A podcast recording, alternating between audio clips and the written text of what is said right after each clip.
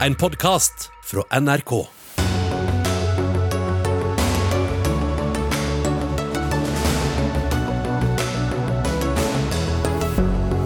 Korona, krig og klimakrise. Kanskje vi skal forsøke å bare glemme hele 2022, slik vi forsøkte med 2021? To statsråder gikk av. En sentralbanksjef sluttet før han hadde begynt. Til gjengjeld trådte den første kvinnen inn som sjef for Norges Bank. Dyrtid kom inn i det norske språket igjen, men det ordet vi må ha hørt flest ganger gjennom året, må være Stramt budsjett. Og hvem var det egentlig som oftest var gjest i Dagsnytt 18?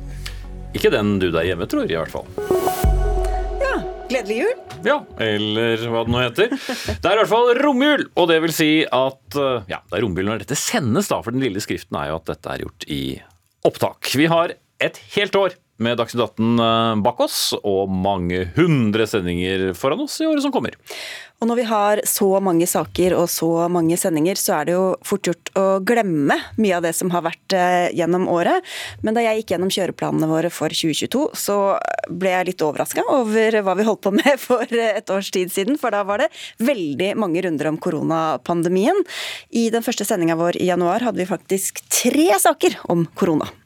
Det har vi fortrengt. Eh, Vi brukte mye tid på å diskutere fritidskarantene for lærerne, restriksjoner, koronapass, sårbare barn, og om de som ikke ville ta vaksinen burde betale en egen avgift. Det var bare noen av debattene. Nå er det jo fortsatt i høyeste grad pandemi. Vi har bare sluttet å snakke om den, i hvert fall hos oss. Mm, bare vasker hendene akkurat like mye.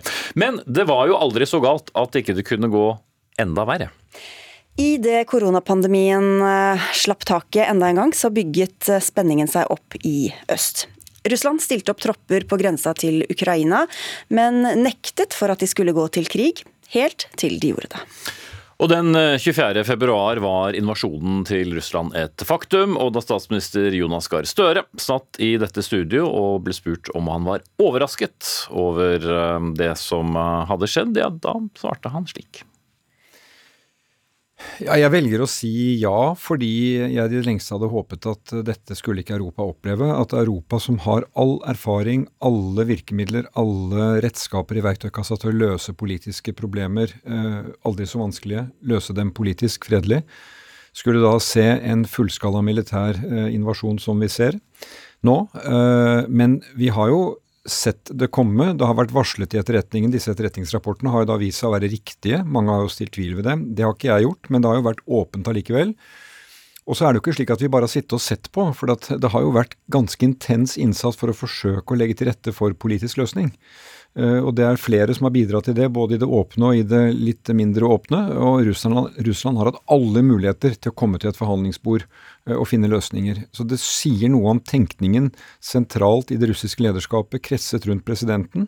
Uh, jeg tror ikke russere ønsker å komme i en situasjon hvor de altså skal drepe broderfolket i Ukraina. Dette er jo ekstremt dramatisk historisk også, i tillegg til at det er krig i Europa. Så der er vi, og det må vi altså da fordømme og reagere på, og vise at vi også kan treffe mottiltak som ikke er militære. Vi skal ikke inn i en krig i Ukraina. Og Krigen i uh, Ukraina skapte også en del hjemlige debatter som vi plukket opp uh, her i studio. Vi hadde Sverige og Finland som uh, ville inn i Nato. Og så hadde vi diskusjonen om SV og Rødts forhold til Nato. De var heller ikke helt med på om hvorvidt Norge skulle forsyne Ukraina med våpen. Noe SV etter hvert snudde på. Flere prøvde å heise også en ny EU-debatt, og så lå det hele tiden og ulmet en uenighet om hvorvidt Vesten burde sette seg inn i hvordan det hele så ut fra russisk side. Ja, Det ble jo litt betent etter hvert, det, Espen. Og det var både forskere og politikere som deltok i de rundene. Og hos oss kom tidligere diplomat Kai Eide. Han møtte sin eks-partikollega i Høyre, Ine Eriksen Søreide, som også er tidligere utenriksminister og forsvarsminister, og stemningen var ikke helt på topp da de møttes. Kai Eide sier at jeg driver overgrep mot ytringsfriheten. Det veit Kai Eide at det er bare tull. Det vet alle som ser og hører på Dagsnytt 18 at det er bare tull. Og jeg syns faktisk du skal være voksen nok til å trekke det tilbake. Ja, jeg vil da stille deg spørsmålet. Du står ved det du sa? bare for ja. Ja. Når, når, du da sier, når du da sier at det er noen, og du snakker om forskere bl.a., som ser ut til å ha falt for Putin-propaganda. Hvem mener du? Fordi det er så generelt. Hvem er det du snakker om? Og når du snakker om og, og, og, neste spørsmål Hva er det de har sagt som får deg til å komme med et slikt utfall? Det skulle jeg gjerne vite. Navngi dem og si hva det er de har sagt. Kajeide, du sa nettopp at du står ved at du mener at mine uttalelser, mine meningsytringer, er et overgrep mot ytringsfriheten. Det er en helt absurd påstand. Ja, men jeg Svar på mitt spørsmål. Nei, nå er det jeg som snakker. Det er en helt absurd påstand. De som er offer for overgrep mot ytringsfriheten, sitter bl.a. i russiske fengsler fordi de bruker ytringsfriheten sin. Det jeg har sagt, og det står jeg veldig klart ved, er følgende. I Norge, som i de fleste andre land, så har det vært en reorientering av russlandsdebatten. Jeg har vært veldig opptatt av at vi må forstå handlingene i den forstand at vi må forstå hva som ligger bak dem. Det er noe annet enn å anerkjenne og akseptere f.eks. at Russland har interesser som er såkalt legitime, som gjør at de kan ta en del av et naboland, påvirke politikken i en retning som gjør at de f.eks. ikke får melde seg inn i Nato eller EU. Det mener jeg er ting som nå på både høyresida og venstresida i politikken, og blant mange forskere, har blitt Hvem reorientert. Forsker, hvilke forskere da? Men det, men det er helt, det er helt hvem, hvem, er det du retter din kritikk mot? Nå er det jeg som snakker. Ja. Hvilke analyser er det du føler du ikke har kommet på med? Hvor har du blitt knebla? Hvilke debatter har du ikke fått delta i? Jeg har ikke sagt at jeg, ikke, at jeg er blitt eh, knebla, men jeg har sagt at Du sier jo at jeg knebler debatten. Og Det syns jeg er en ja, utrolig men, men spesiell det, påstand. Ja, men du har jo, det er, det er du som har kommet med uttalelsene, ikke jeg. Jeg kommer med en meningsytring. På samme måte som jeg fikk kritikk da jeg i 2015 etter Russlands anneksjon av Krim sa at eh, forholdet til Russland ikke blir det samme igjen, så måtte jo jeg den gangen tåle å bli motsagt på min analyse. Det må jo andre også tåle å bli på sin analyse. Det er ytringsfriheten. Jeg syns du burde be om unnskyldning for å ha kommet med den type uttalelser uten å uten å, uten å våge å navngi hvem du har hatt i tankene, og hva de har sagt som har forstyrret deg sånn. Jeg skjønner, jeg skjønner, nå at Kai Eide prøver å gjemme seg bak den diskusjonen. Men det han, sagt, det han, har sagt, over fire sider i Klassekampen i dag, er at jeg begår overgrep mot ytringsfriheten. Det er en utrolig drøy påstand. Det er en helt absurd påstand. Og den har altså ingen rot i virkeligheten. Og det tror jeg ingen lyttere eller seere heller mener at den har. Ja, det var, det var, god stemning der. Det var et av de øyeblikkene hvor eh, vi som programleder ikke nødvendigvis trenger å blande oss så mye inn i diskusjonen, for der holdt de på på egen hånd. Ja, men det er vel litt av poenget også med det vi holder på med, at folk skal kunne møtes. Altså, En ting er at vi skal intervjue dem og stille dem kritiske spørsmål, men noe av det fine med Dagsnytt 18 er jo nettopp de der treffene mellom mennesker. Så det å la det leve innimellom er jo bare helt eh, fint. Og det, det dette også illustrerer, er jo at når, når folk virkelig er inderlig opptatt av noe, selv om stemning altså Det er ikke noe poeng for oss å ha veldig god stemning heller, selv om det er hyggelig å ha det mm. innimellom, i hvert fall. Så, så, er det jo da sant, Det er noe som står på spill, det er noe som mener noe virkelig inderlig, og da blir de møtene litt mer eh, spente da, enn det de blir hvis folk ikke bryr seg noe særlig. Ja, Det er litt forskjell på om man har en veldig sterk mening, som begge de to her hadde, eller om du har blitt dratt inn til Dagsnytt 18 for å, for å svare. Nok av dem òg. Mm.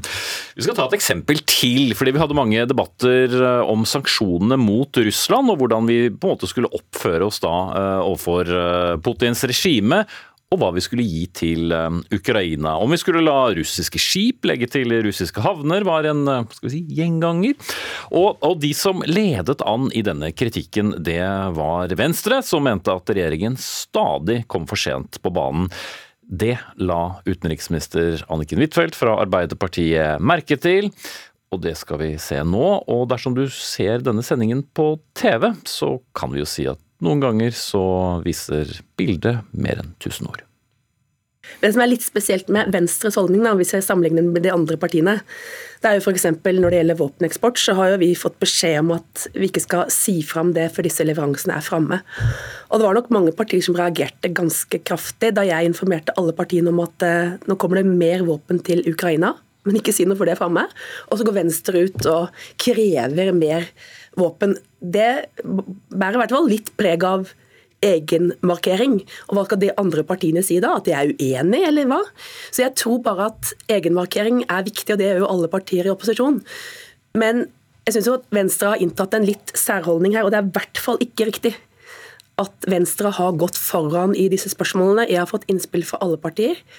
Og jeg må sørge for at vi tar riktige beslutninger. Og Derfor vil jeg gjerne kommentere det du snakker om fram og tilbake om havneforbudet. For det er en veldig godt illustrasjon på at ting må bli utreda. For da EU vedtok havneforbud, så var det ikke klart hva det innebar. Og Vi måtte ta kontakt med Brussel og finne ut hva det i realiteten handla om. Og Det handla om størrelse på fartøyer, og det var ikke klart hvordan de ulike 27 medlemslandene tolka det. Derfor så trengte jeg litt tid på utredning. Og så gikk vi inn for et unntak som jeg mener er veldig riktig og viktig. For det som er forskjellen på Barentshavet og andre hav, er at der har vi store fiskebåter. og Derfor så trenger vi dette unntaket. Ja, så jeg mener at det er altså, viktig med jo, en del utredning. Altså Jeg har som klima- og miljøminister skrevet forvaltningsplan for Barentshavet. Jeg er godt kjent med problemstillingene der. Fiskeriforvaltninga. Jeg er ikke med på at vi skal fortsette å la russiske supertrålere levere fisk i Norge til milliarder av kroner og sende dem til Russland. Og så argument for regjeringa at hvis vi ikke lar dem gjøre det, så kommer Russland til å begå miljøkriminalitet. Ja vel, de kan jo mene det, men jeg syns vi skal mene det samme som resten av EU.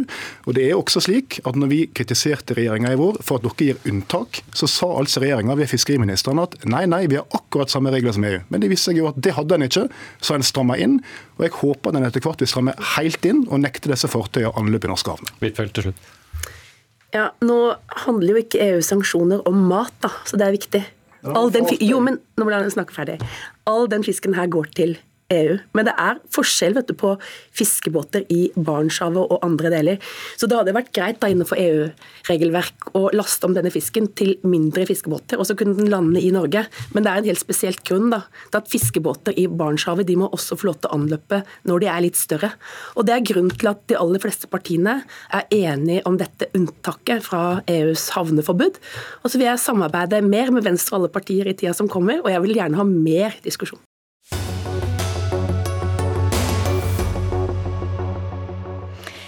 Mens eh, krigen brøt løs i eh, Ukraina, så blåste det opp til i hvert fall en liten storm også her hjemme. Om en mann som var sentral i nettopp denne krigen, men som nå ønsket å bytte jobb og bli ny sentralbanksjef. Vi snakker om Natos generalsekretær Jens Stoltenberg.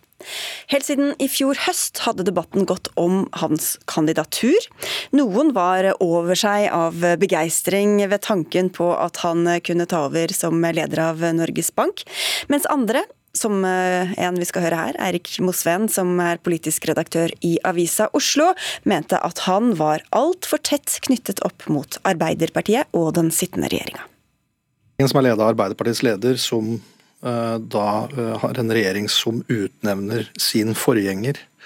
Eh, Jens Stoltenberg er for så vidt kjent som samfunnsøkonom, men han er nesten utelukkende kjent som leder av Arbeiderpartiet og tidligere statsminister i Norge. Han er ekstremt nært knytta til det partiet, og Jonas Gahr Støre og han har et helt uvanlig nært politisk og personlig forhold som har strukket seg over 20 år. Jens Stoltenberg har jo vært FNs spesialutsending på klima. Han har vært engasjert i klima- og energipolitikk i, i årevis, og han er svært erfaren når det gjelder eh, internasjonal politikk, og god til å se sammenhengen mellom politikk og økonomi. Og Vi vet jo også at oljefondet kommer til å spille en tydeligere rolle der.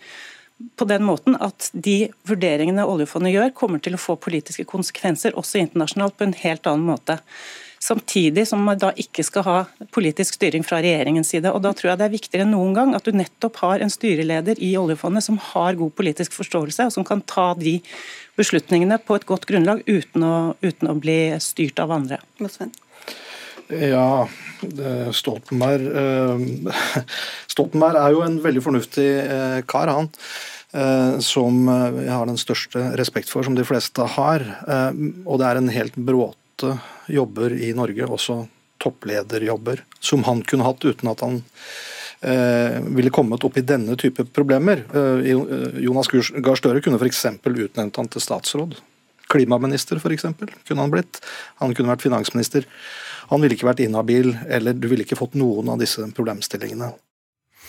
Men eh, bekymringen til Erik Mosveen eh, var det ikke så mange som brød seg eh, om. Og Dagsavisens kommentator Hege Ulstein fikk det som hun ønsket.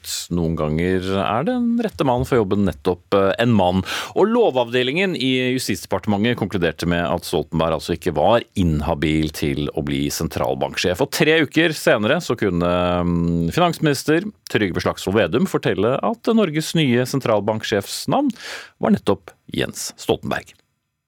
Det er jo sånn at uh, sentralbanksjefen blir uh, ansatt, for å bruke det uttrykket, i Kongen i statsråd. Så jeg innstiller uh, for ja. Kongen i statsråd, og så blir han ansatt. Nei, det Men det hadde tatt seg ut hvis kongen sa nei? Det skjer ikke. det skjer ikke. Og det som har vært viktig for oss, det er at vi må få en sentralbanksjef som har en bred samfunnsforståelse, både nasjonalt og internasjonalt. Som selvfølgelig er en god økonom. Og så er det det som også Stoltenberg har, at han har en veldig unik toppledererfaring. Og har en eh, evne til å stå, også når det er vanskelige, komplekse eh, spørsmål og, og krevende avveininger. Så det er den kombinasjonen av den brede samfunnsforståelsen, økonomibakgrunnen, den unike toppledererfaringen som gjør at Jens Stoltenberg kommer til å bli en eh, svært god og trygg sentralbanksjef for Norge.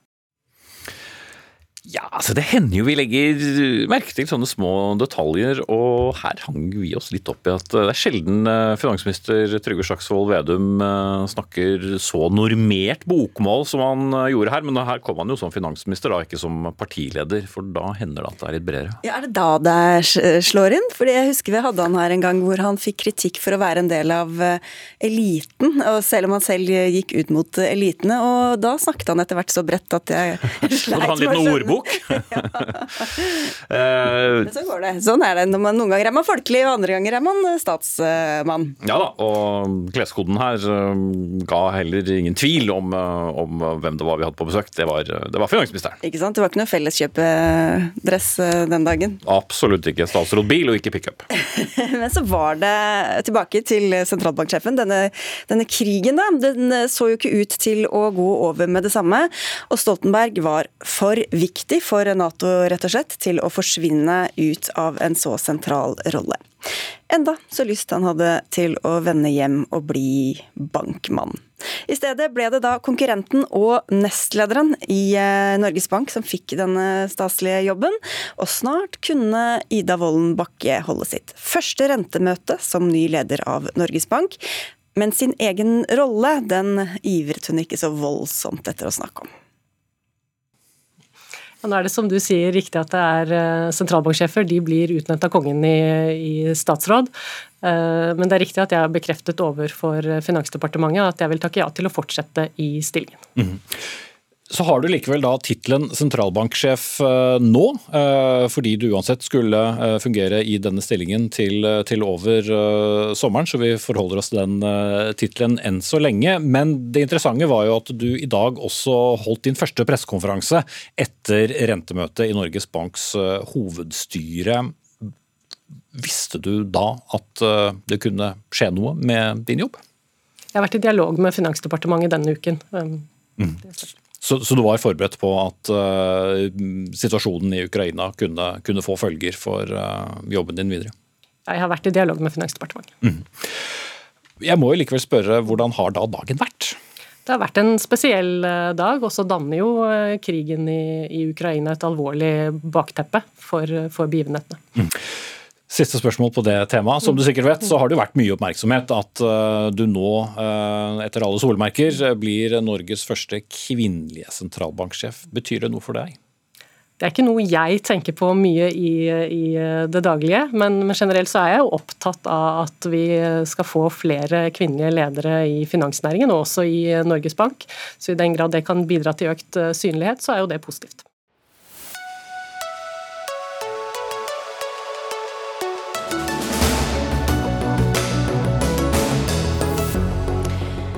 2022 ble året da ordet dyrtid ble hentet opp av skuffen igjen. Og da tenker vi ikke på hva Senterpartiets velgere holder på med i fjøset, for det handlet selvfølgelig om at alt ble dyre. Mat, drivstoff, boliglån og ikke minst eh, strøm, som vi har vært bitte litt opptatt av i 2022. Jeg tror her i Dagsnytt 18 at vi har hatt noe sånt som 645 debatter bare om eh, strømprisen, Espen? Før sommeren. Før sommeren, ja. Ja ja, vi snakker jo, eh, snakker jo sesonger her. Det har handlet om strømkabler, det har handlet om strømpriser og om strømstøtte, både til vanlige hus og hjem, til hytter og til næringslivet. Og at det skulle bli vanlige folks tur til å få så høye regninger, har ikke alltid vært så lett å, å svare på.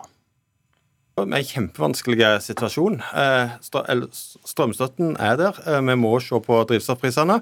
Når det gjelder mat, så handler det jo først og fremst om å sikre at folk har mat. Eh, at vi, at vi får opp produksjonen. Og så er det òg store utfordringer knytta til fare for inflasjon som følge av økte priser på alt. Så det er rett og slett en prisgaloppkrise som vi er inne i. Prisgaloppen ble aldri skrevet, men pengegaloppen i hvert fall. Det kan i det hele tatt ikke ha vært helt enkelt å ha vært regjeringa i det året vi legger bak oss nå, for det har jo virkelig hagla med kritikk fra så å si alle kanter. Det har kommet fra Høyre for regjeringa, og fra Venstre, og fra dem nederst ved bordet, og fra dem som har mest. Da har det gjerne handlet om hvor mye skatter næringslivet må betale, og hvor dårlige rammebetingelser de får eh, i totalen, som de er opptatt av. Og en etter en har de flyttet ut av landet, de som tjener og skatter aller mest. Og hver eneste en som truer med å flytte til Sveits er en ny motivasjon, sa SVs eh, inntil videre leder Audun Lysbakken. Men for Arbeiderpartiet stakk det kanskje litt i september, da nyheten kom om at eh, deres eh, egen, iallfall tidligere sympatisør, sosialdemokraten Kjell Inge Røkke, skulle flytte til Sveits, noe som fikk Rødts Mimir Kristiansson til å fyre av på alle plugger. Kjell Inge Røkke han sa for noen år siden noe som jeg mener er utrolig klokt, for til og med milliardærer sier av og til lure ting. Og det er dette. Hvis du har tjent en viss mengde penger, er de ikke lenger dine. De er samfunnsskapt. De er et produkt av samfunnet. Og Dette har Kjell Inge nå skifta mening om. Han har begynt å tenke seg, seg, seg. Han snur ryggen til samfunnet, stikker av gårde med pengene sine. Og hvor er verdiene til Kjell Inge? De er på verftene i Egersund, på Stord, i Verdal. De er ute i Nordsjøen, på oljeplattformer, på fiskefelt. Ingenting av dette får han flytta til Genévesjøen. Verken verft, fiske eller oljeplattformer. Sånn at alle hans verdier, all hans verdiskapning, all hans kapital, den arbeider i Norge. Men sjøl skal altså han flytte til Sveits for å spare personlig beskatning. Og det er urimelig. Mm. Og rett og slett relativt provoserende. Det er jo litt rart når Mimir Kristiansson sier at uh, alle verdiene uh, ligger her i Norge, samtidig som han sier at han tar med seg verdiene til Sveits. Det går ikke an. De verdiene vil fortsatt ligge her. Jeg tror jo i sum at det er bra at man skatter der man er bosatt. Eh, jeg tror ikke at det er noe veldig juridisk enkelt landskap. Ja, Den siste vi hørte her var altså Sivert Bjørnstad fra Fremskrittspartiet. og Frp kritiserte ikke bare dette, men også grunnrenteskatten, som regjeringen økte for vannkraftens del og innførte når det gjelder havbruk. Det var det også andre som gjorde. Altså kritiserte, ikke, ikke innførte. Flere av regjeringspartienes egne ordførere sa at de fryktet for små samfunn langs kysten. Og laksenæringen selv mente at dette var altfor mye, altfor fort, som vi skal høre her. Og det er en fantastisk næring. Men det vil ikke si at ikke de da skal dele en del av den avkastningen de får på norske naturressurser med fellesskapet. Eh, det er det ene. Og så må vi, Hva er det med denne normprisen? Jo, grunnen til at det er foreslått en normpris, og det er altså det er foreslått, det er åpent for å komme med andre ting. Men bakgrunnen for det er jo fordi at det, det nemlig er slik at de, de, de fleste av, de, av disse konsesjonene ligger hos store selskaper. Og der er det slik at denne skatten skal jo da bare legges på en del av deres verdiskapning. Og da må man ha en verdsettelse av fisk når man kommer opp av mæren. Vi må, og det er det som er problemet. Ikke, ikke, svar mer om den normskatten, er du grei, Ystmark, for du har bare veldig kort tid igjen. Men eh, du sier jo at dere vil betale mer, så hva slags lakseskatt for å bruke det ordet, er det dere egentlig vil ha? Ja, For det første så, så er det slik at det som regjeringa har foreslått nå, det er å innføre en ny skatt fra 1.1.2023. Den skal ikke vedtas før nærmere sommeren 2023. Da må bedriftene forholde seg til en skatt de ikke vet hvordan blir innretta, hvordan den eh, hvordan fradragene skal være osv. Det er masse usikkerhet som har skapt en veldig vanskelig situasjon langs, langs kysten. Så Det vi ber om, det er innføre en skatt fra 1.1.2024. Så kan vi partene i arbeidslivet, sammen med vertskommunene og andre som er berørt Jeg ser alle vil på alle. Det er altså ikke slik at det er ikke opp til den enkelte næring å utforme sin egen skatt. Det vil vise seg. ja, men, men, hvis det bare var det, det må jeg bare si, hvis det bare er det at dere må få på plass en annen type normpris, hvorfor har dere ikke da brukt tid på det siden 28.9. Okay. istedenfor å krisemaksimere ja, og professor, professor, Karen Helene Ultveit uh, Moe, som vi hørte på slutten her, hun ledet altså dette utvalget som foreslo den samme skatten. Grunnrenteskatt, som ble plutselig et ord uh, vi lærte oss å snakke om hele tiden i grunn. Her møtte hun eh, Geir Ove Ystmark fra Sjømat Norge, som ikke var så begeistret. Ikke så begeistret, nei. Men det var jo ikke bare økonomien som gjorde regjeringa upopulær? Nei da, det var en, eh, en lang, lang, rekke her, og en langvarig streik blant eh, lærerne, som startet før sommeren, og som fortsatte på den andre siden endte med tvungen lønnsnemnd, etter bekymringer fra mange over at den manglende skolegangen virkelig gikk utover barn og unges psykiske helse. Lærerne mente at de var helt eh, overkjørt, men regjeringen mente at den ikke hadde noe annet valg enn å sende barna tilbake på skolen. Men hva streiket de for egentlig? Vi skal høre et lite klipp fra da Utdanningsforbundets eh, Steffen Handal krysset klinge så det smalt med kommunenes forhandlingsleder Tor Arne Gangsø. Jeg, jeg, forstår ikke hva Gangsø sier. På den ene siden så sier han at dette er en villet politikk. Han har kommunene i ryggen, sier han, for å nedprioritere lærerne. Og så sier han at, lærere, nei, at kommunene er opptatt av å rekruttere og beholde gode lærere. Hva er det som stemmer her? Av, begge de tingene kan ikke være sant på en gang. Altså, er, jeg vet at det skal mer til for å rekruttere og beholde en lønn. Men lønn spiller en rolle. Det er viktig for alle. Alle vet det. Men når du nedprioriterer en gruppe over tid, sånn som man har gjort med lærerne, det irriterer. Og du har provosert på deg lærerstanden. Det er tre lærerorganisasjoner i tre ulike hovedsammenslutninger som finner sammen, og som sier at det tilbudet KS kommer med, det er en provokasjon. Mm. Er dere interessert i å sukre pillen?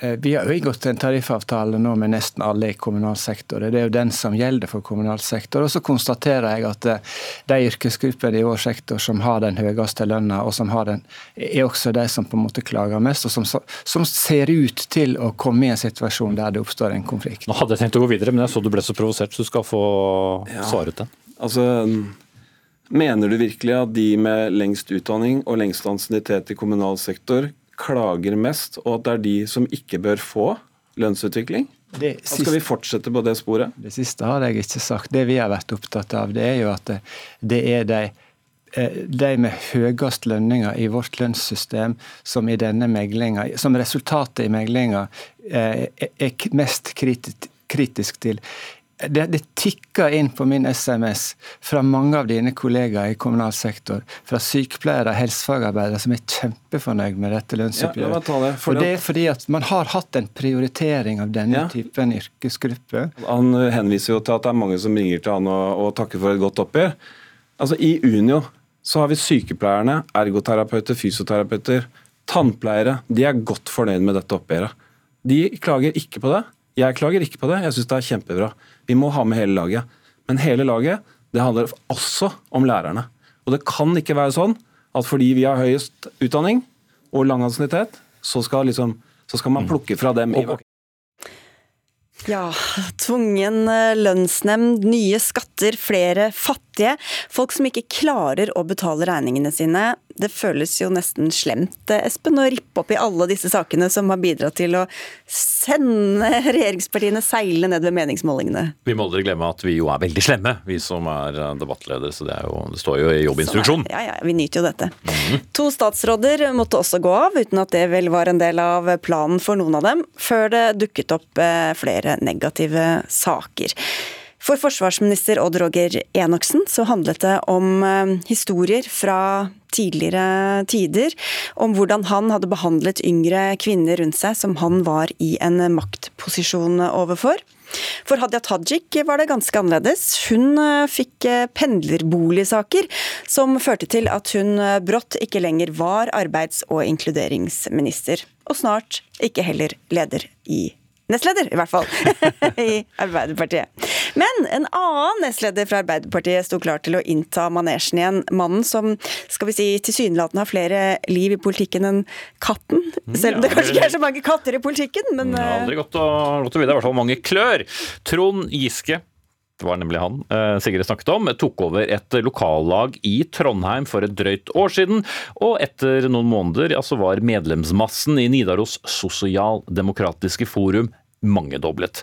En uh, suksess som flere internt i um, Arbeiderpartiet ikke var uh, udelt begeistret overfor, som tidligere stortingsrepresentant Tove Karoline Knutsen i Tromsø Arbeiderparti. Dette lokallaget veldig, veldig uryddig, fordi at antallet som er så stort fra utenbys, er jo med å definere representasjon inn i besluttende organer. Og ikke minst så er de med på å gi Trond Giske veldig stor makt i lokalpolitikken i Trondheim. Altså Det som er kjernen i Nidaros, og når folk finner oss på nidarosforum.no og melder seg inn selvfølgelig over hele landet, fordi sosiale medier er ikke et Trondheims- eller Trøndelagsfenomen, så er det jo fordi at de skal ha innflytelse. Dette er ikke en tenketank, dette er en demokratisk organisasjon hvor medlemmene skal være med å bestemme. Og Vi har jo selv nå når vi har 18% kanskje 400 500 000 mennesker i Norge som ønsker å stemme Arbeiderpartiet, men vi har bare en tiendedel av det som medlem.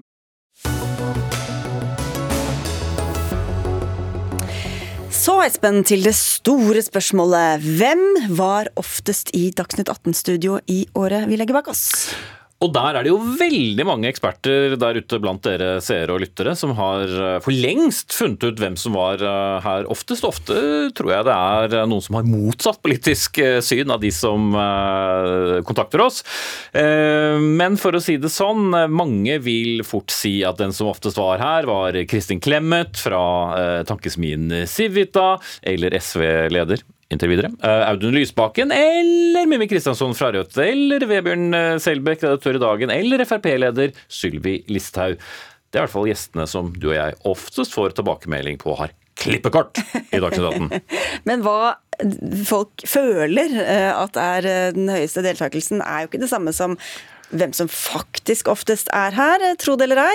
Vi, eller det vil si du Espen, har ført statistikk gjennom hele året. Og hvem er det som topper listen over deltakerne dine?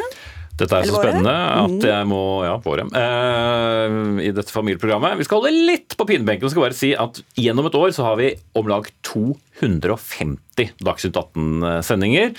14-15-16 gjester i hver sending, så det er mange. 3500 gjester gjennom året. 1750 er unike deltakelser. Noen er her da flere ganger, som er hele poenget. Men til tross for såpass mange besøk, så er det altså noen som kommer litt oftere enn andre. Og da har vi ryddet litt i toppen av listen, tatt ut de som er ansatt i NRK og ikke har annet valg enn å komme hit når vi ber om det, som politisk kommentator Lars Nehru Sand og vår London-korrespondent Gry Blekastad Almås, som var de som har oftest med i Dagsnytt 18. Men så Hvilken ekstern gjest var her oftest? Og Hadde ikke du glemt igjen trommen din hjemme, Sigrid, så kunne du jo spilt en trommevirvel.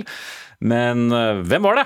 Vi ønsker velkommen til mannen som allerede har sneket seg inn i studio, hvor han nærmest bor, som kommer veldig ofte.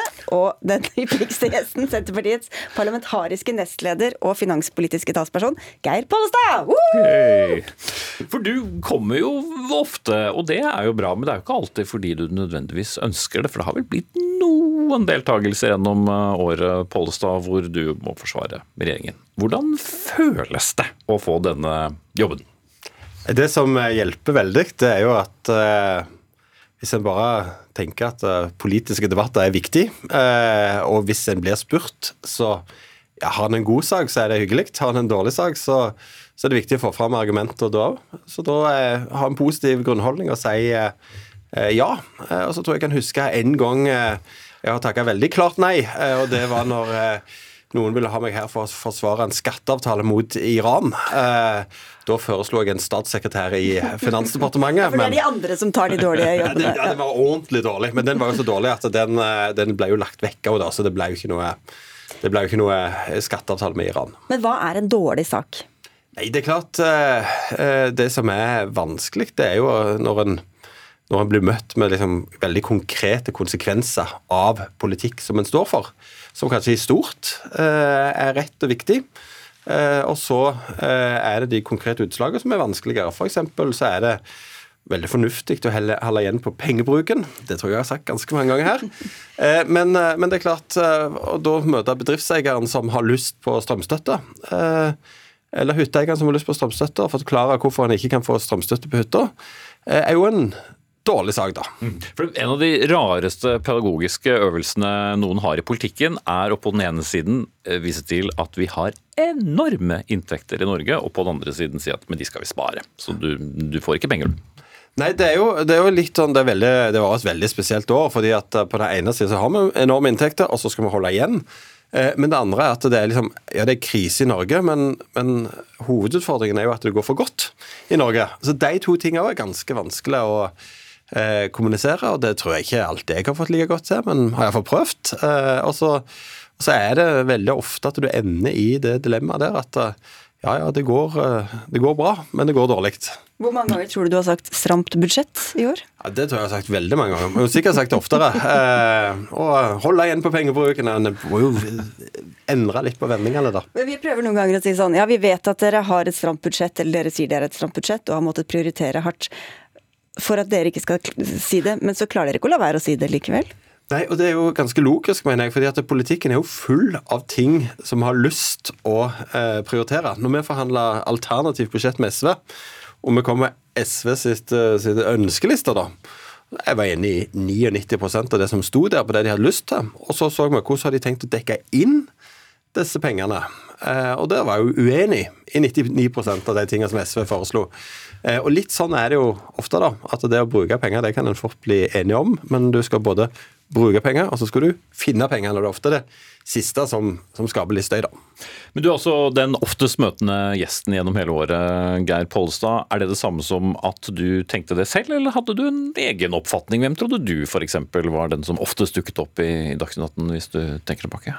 Det har jo blitt gitt litt, uh, litt løypemelding underveis. En visste vel litt hvor en uh, lå an. Så, så har han ikke dukket opp her bare for å få tvist eller vinne en konkurranse. Uh, det har jo vært fordi at han har hatt en en oppgave. Men altså det, jeg syns jo at Høyre og Frp er her hele tida, med ulike folk og sånt. Uh, men jeg tenker at jeg har litt avslappa forhold til det. Jeg tenker Det er ganske mange timer med debatt eh, som skal fylles.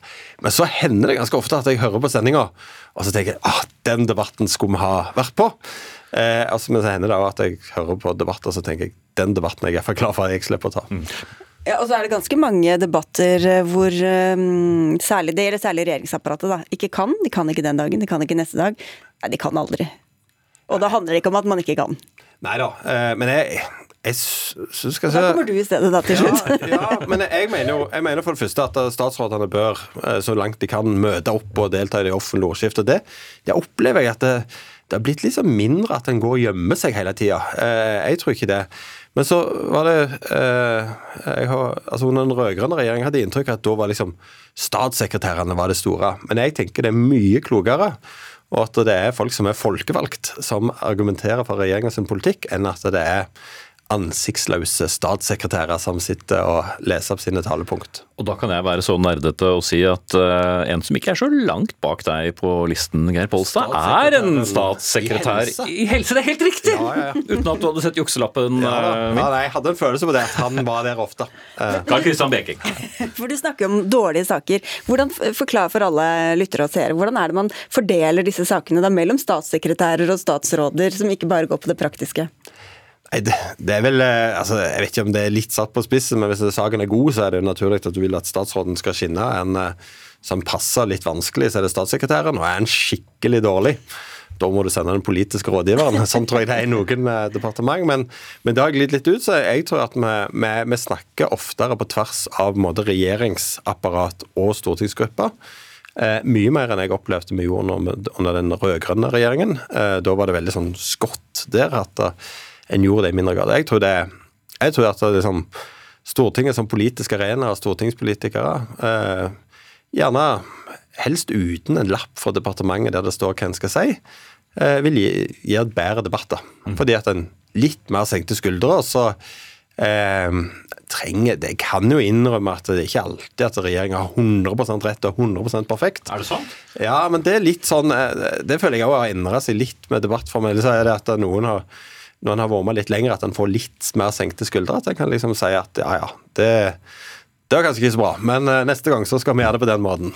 Selv når, eh, selv når meningsmålingene viser at Senterpartiet er lavere enn styringsrenta? Ja, og jeg er veldig glad for at styringsrenta lå, jeg. uansett hva det betyr på målingene. Men, men der er vi i en situasjon nå i Senterpartiet som jeg ikke har opplevd før. Men det, det, det er dårlige målinger. Men, men, det er ganske god stemning, tross alt. Eh, og da eh, er hverdagen litt hyggeligere.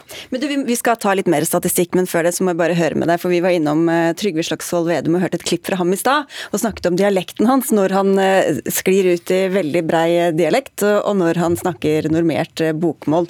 Har du lagt merke til det, eller? Du, Jeg kjenner Trygve såpass godt at hvis jeg ringer til han, og han er på vei hjem, eller jeg hører om han er i Oslo, eller om han er på Stange, eller om han er på veien hjem, så, så det endrer seg nok litt med den uh, dialekten der. Han har nok uh, oh, som andre sin dialekt gått litt i bølger. Jeg tror jeg òg snakker mer dialekt nå enn jeg gjorde for et par år siden. Så det, uh, om det ligger noe bevisst bak det, eller om det ligger en sånn erfaring og trygghet, det skal ikke det for andre vurdere. Takk skal du ha, Geir Polstad, årets oftest møtende gjest. Så denne programlederen rev nesten ned mikrofonen, men det er litt igjen å gå på Bent eh, Høie, som eh, virkelig hadde svingdør inn i studio i fjor. En annen mann som var ofte her i fjor, var Espen Rostrup Nakstad. Altså en, eh, en ekspert, og årets Nakstad, for å si det litt flåste, det var en av de mange forsvarsekspertene som vi har hatt på besøk, og det var Geir Hågen Karlsen. Han hadde 18 18 opptredener gjennom eh, året. Og Rett bak ham kom en rekke politiske kjenninger. Cecilie Myrseth fra Arbeiderpartiet, den helsepolitiske talspersonen. Det var ikke alltid statssekretæren kom. Nei, Vi kan vel kalle henne Arbeiderpartiets Geir Pollestad, tror jeg faktisk. Ja, Så har vi noen statsråder òg. Eh, Vestre, næringsministeren, eh, kom sammen med Espen Barth Eide flest ganger fra, fra regjeringen. Og fra Høyre, for det var faktisk noen fra opposisjonen som kom innom òg, som skulle angripe regjeringen. Det var Høyre Høyres Nikolai Astrup og Henrik Asheim. Det var mange politikere, Espen, men det er faktisk ikke politikere vi har flest av her i studio, selv om sikkert mange tror det? Nei, mange tror jo at dette er et rent politisk program, men det er bare én av tre gjester som er politikere. To av tre holder på med andre. Så vi hadde 1100 politiske gjester, hvis jeg runder av, mens 2200 drev med andre ting. Og ikke engang våre kjære politiske kommentatorer fra enten de Oslo-baserte mediene eller region- og lokalaviser var i nærheten av å være så mye her, de heller. Den kommentatoren som vi oftest hadde besøk av her i studio, forresten, det var Dagens Næringslivs Eva Grinde, med ni opptredener.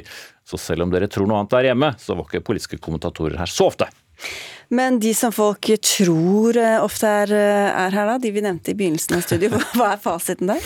Ja, Nå blir dere skuffet, alle Dagsnytt 18-eksperter på, på, Twitter. Men også Kristin Clemet hun har bare vært i dette studio to ganger eh, i år. Lysbakken var her litt flere ganger, men har bare vært her seks ganger av de 250 sendingene, hvor vi har altså 14-15 gjester i hver. Rødts utrettelige Mimir Kristiansson fra samme benk som, som Pollestad, Rogalandsbenken, har her tolv ganger, så han har folk sett litt mer til. Bjørbjørn Selbekk fra Avisa Dagen var her kun fire ganger. Sylvi Listhaug elleve ganger. Og Unge Venstres Ane Breivik, hun var her faktisk ti. Men vi var her mest, eh, Sigrid. Ja, Godt er det, da. Men uh, hvor mange ganger vi var her, det har du ikke talt på? Jeg vil tippe ca. 125 ganger hver. En som vi ofte ønsker å ha her, eh, som kommer iblant, eh, som vi allerede har vært innom, det er Senterpartileder og finansminister Trygve Slagsvold Vedum. Han kunne jo egentlig vært her hver dag for å forsvare alle disse kuttene som regjeringa har eh, kommet med. Så kom jo vår venn Geir Pollestad i stedet for, for å forsvare dem. Men en gang var han mer enn villig til å komme. Jeg lurer faktisk på om ikke de ringte inn selv jeg, og tilbød at han skulle dukke opp. Det var da Unge Venstre foreslo å gjøre helligdagene valgfrie. Det ville han ikke ha noe av. Men jeg tror det, er, det er ikke bare de som sitter på kontor som får glede av at du har eh, påske og jul. Det er jo alle som får det. Nei, men til de, inne, til de, inneklemte dagene snakket vi om nå, da. Jo, jo, men sånn, sånn, det er jo ikke noe Sånn som jeg har jobba i dag, det er ikke noe stor krise. Da. Det er fri i går, og så jobba jeg i dag. Og, og, Sånn er det for mange andre. Noen måtte også jobbe i går, men de som måtte jobbe i går, de får da ekstra betalt for det. Og Det har vært en fin ordning for oss alle.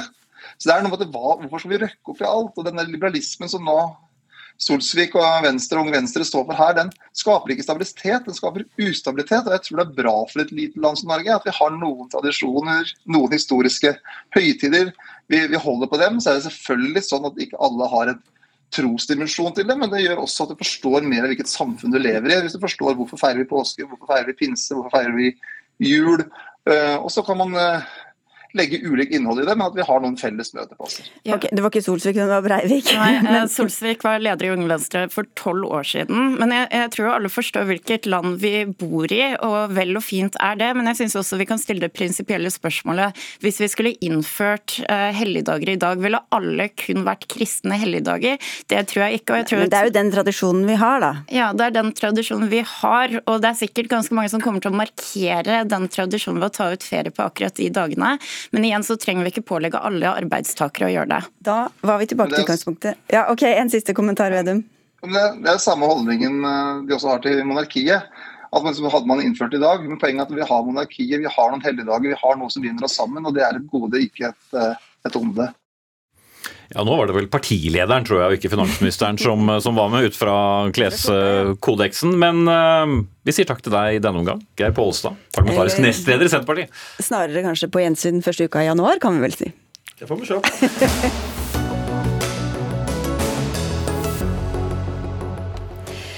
Det er kanskje noen som lurer på Espen, hvor vi egentlig finner de sakene vi velger, å, velger å gå for i eh, Dagsnytt 18. Eller kanskje ingen som lurer, det er bare vi som tror at folk lurer. Her vi sitter inne i glassburet vårt. Det er jo noen som har en del eh, oppfatninger om hvor sakene kommer fra. Og vi får jo mange mm, telefoner, selv i 2022. Det er mange som vil på.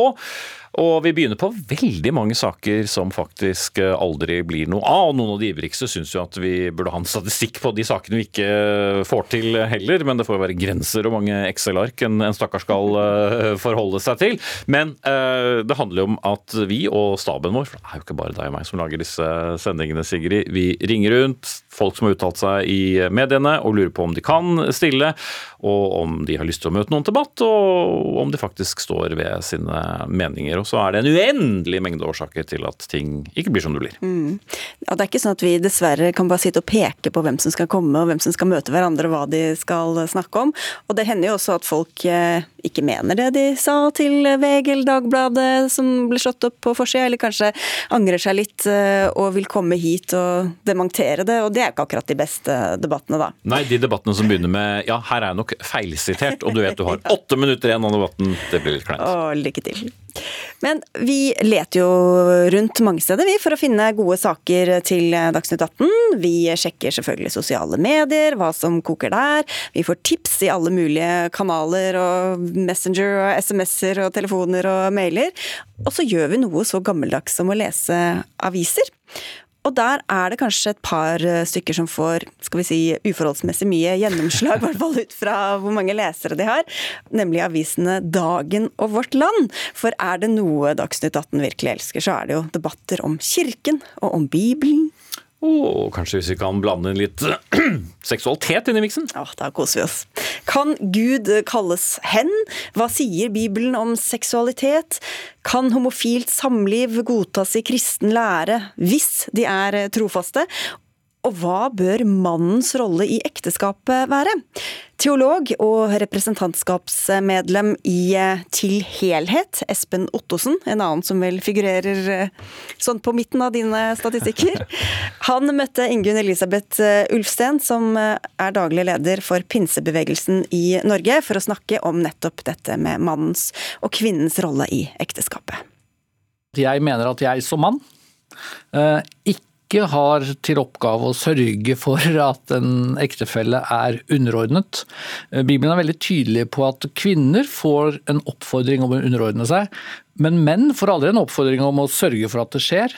Så, så ansvaret er hennes da, å være underordnet? Absolutt. og det betyr at hvis jeg, jeg tenker faktisk slik at hvis vi havna i en diskusjon, da, jeg og kona mi, og jeg liksom trakk kortet nei, men i dette ekteskapet er det jeg som bestemmer, da mener jeg faktisk at da tråkker jeg over en grense. Nei, Jeg, jeg syns ikke kanskje dette henger helt sammen uh, med, med uh, Og det, det tror jeg kan være utfordringen for mange i dag. ikke sant? Det at vi har kvinnelige statsministre, uh, og så skal det være underordning i, i hjemmet, og så henger det på en måte ikke sammen. Og jeg, jeg tenker at vi som eh, Jeg også representerer et bibeltro miljø, eh, for å si det sånn, og vi tenker at vi kan lese eh, Bibelen veldig tydelig på det å underordne seg under hverandre, og at det er likeverd og likestilling i ekteskapet, og, og tenker at det er viktig.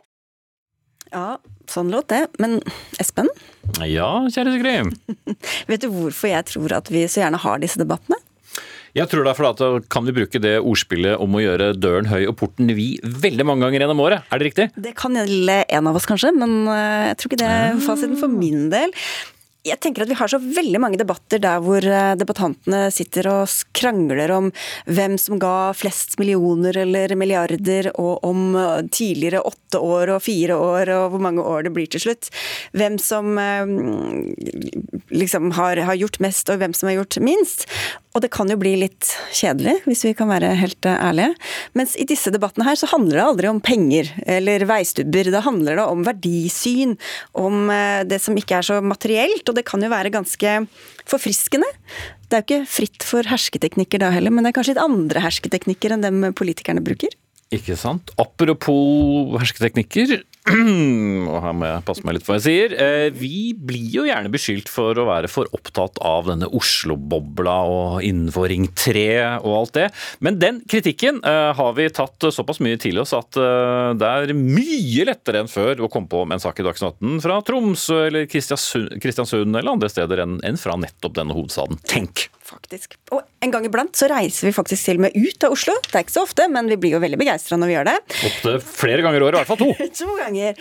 Det er jo stort sett de samme stedene, da. I mai så uh, gjester vi Bergen, og der uh, fikk vi noe av det vi liker aller best da vi var der nå i våres, nemlig et ordentlig oppgjør mellom øst og vest. Her representert ved Dagens Næringslivs uh, egen Fridtjof Jacobsen, og tidligere byrådsleder i Bergen, Roger Valhammer. Bergen vi blir nok ikke størst igjen, og det er greit. Vi har vært Nordens største, og vi har vår historie som vi er stolte av, og som har skapt vår identitet. Eh, Men vi er jo da opptatt av Vi har syv fjell her. så jeg sier det, Mange sier det er ikke syv fjell, og det driter vi i. Fordi Poenget er at det er syv fjell. Det var syv høyder i Roma. Det, det, liksom, det, det må være såpass. og Det er jo det som er litt gøy med Bergen. da. Vi tar litt i, og vi vet at vi tar i, eh, og vi dunker til. eh, og Det er med å skape det som gjør det så fantastisk å bo her.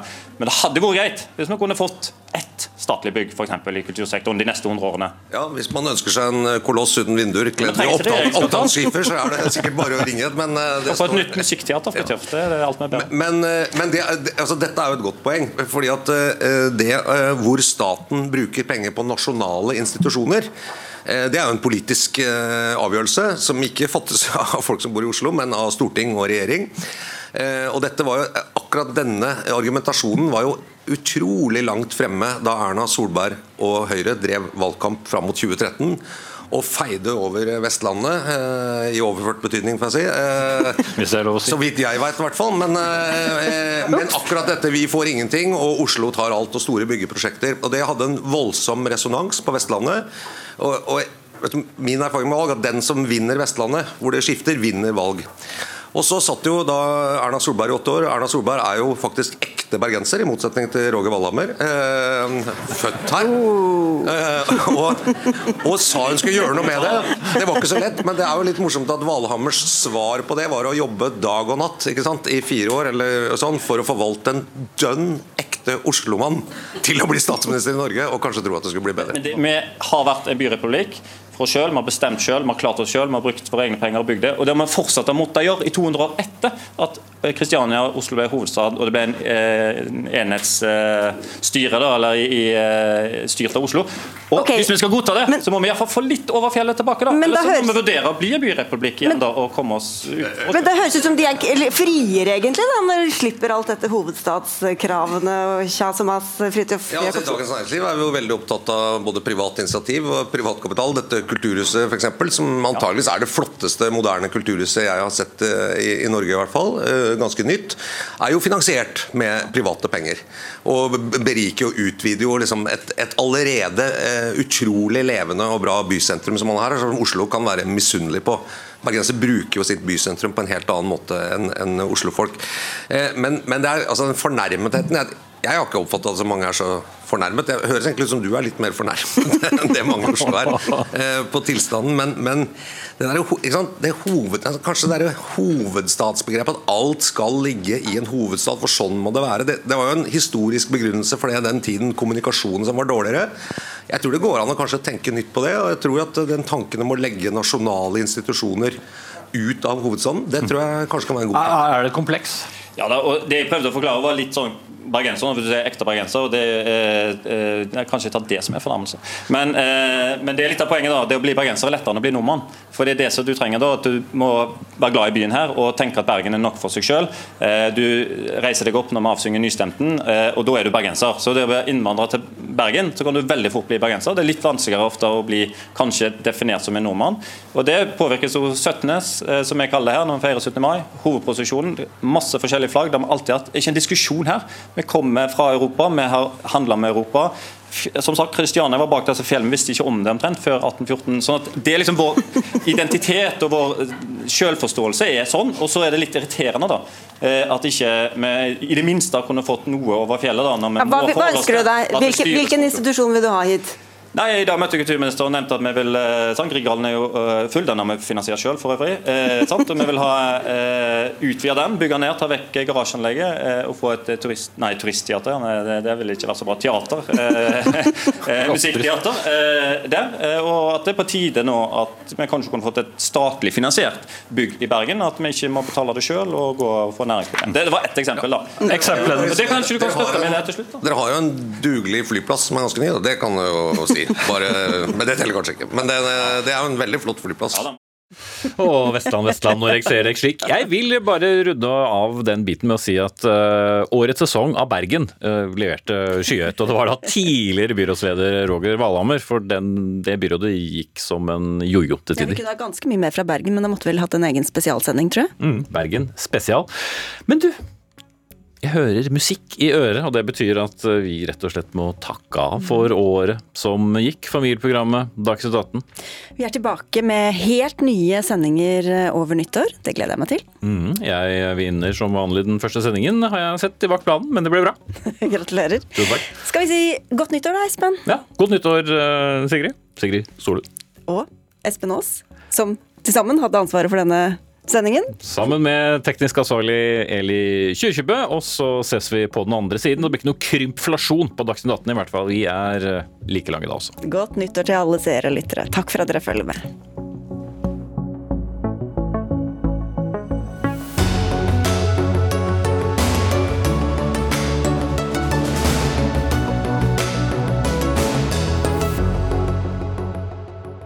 Du har hørt en podkast fra NRK. Hør flere podkaster og din favorittkanal i appen NRK Radio.